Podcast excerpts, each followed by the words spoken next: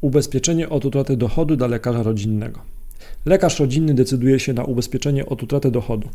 W tym tekście poznasz w skrócie historię lekarza rodzinnego, który zdecydował się na zakup ubezpieczenia od utraty dochodu dla lekarzy.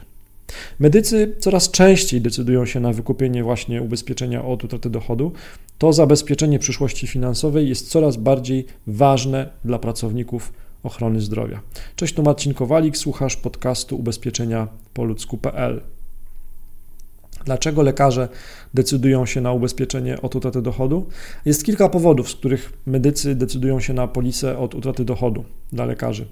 Jednym z nich jest obawa, że w, przy wypadku, upadku czy jakimś urazie lekarz straci możliwość operowania, na przykład, że straci zdolności manualne.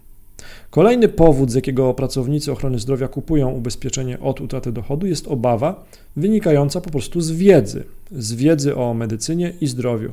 Ta wiedza powoduje, że lekarz jest świadomy tego, co może mu się przytrafić kontekście zdrowia. Nawet nie ulegając wypadkowi, lekarz, jak każdy inny człowiek, może zachorować. Tak też się stało w przypadku bohatera naszej dzisiejszej historii. Historię tą opowiedział mi zaprzyjaźniony agent ubezpieczeniowy, który pomaga agentom w wyborze ubezpieczenia od utraty dochodu. Bohater naszej historii to lekarz rodzinny pracujący na etacie. Czym się zajmuje lekarz rodzinny? Lekarz rodzinny dla wielu osób to lekarz, który przyjmuje w poradni podstawowej opieki zdrowotnej. Taka funkcja może być e, pełniona przez lekarza internistę czy lekarza pediatrę. Lekarz rodzinny to zwykle lekarz pierwszego kontaktu. To on zwykle kieruje dalej pacjentów do konsultantów, e, do konsultacji ze specjalistami. Udar mózgu po ubezpieczeniu od utraty dochodu.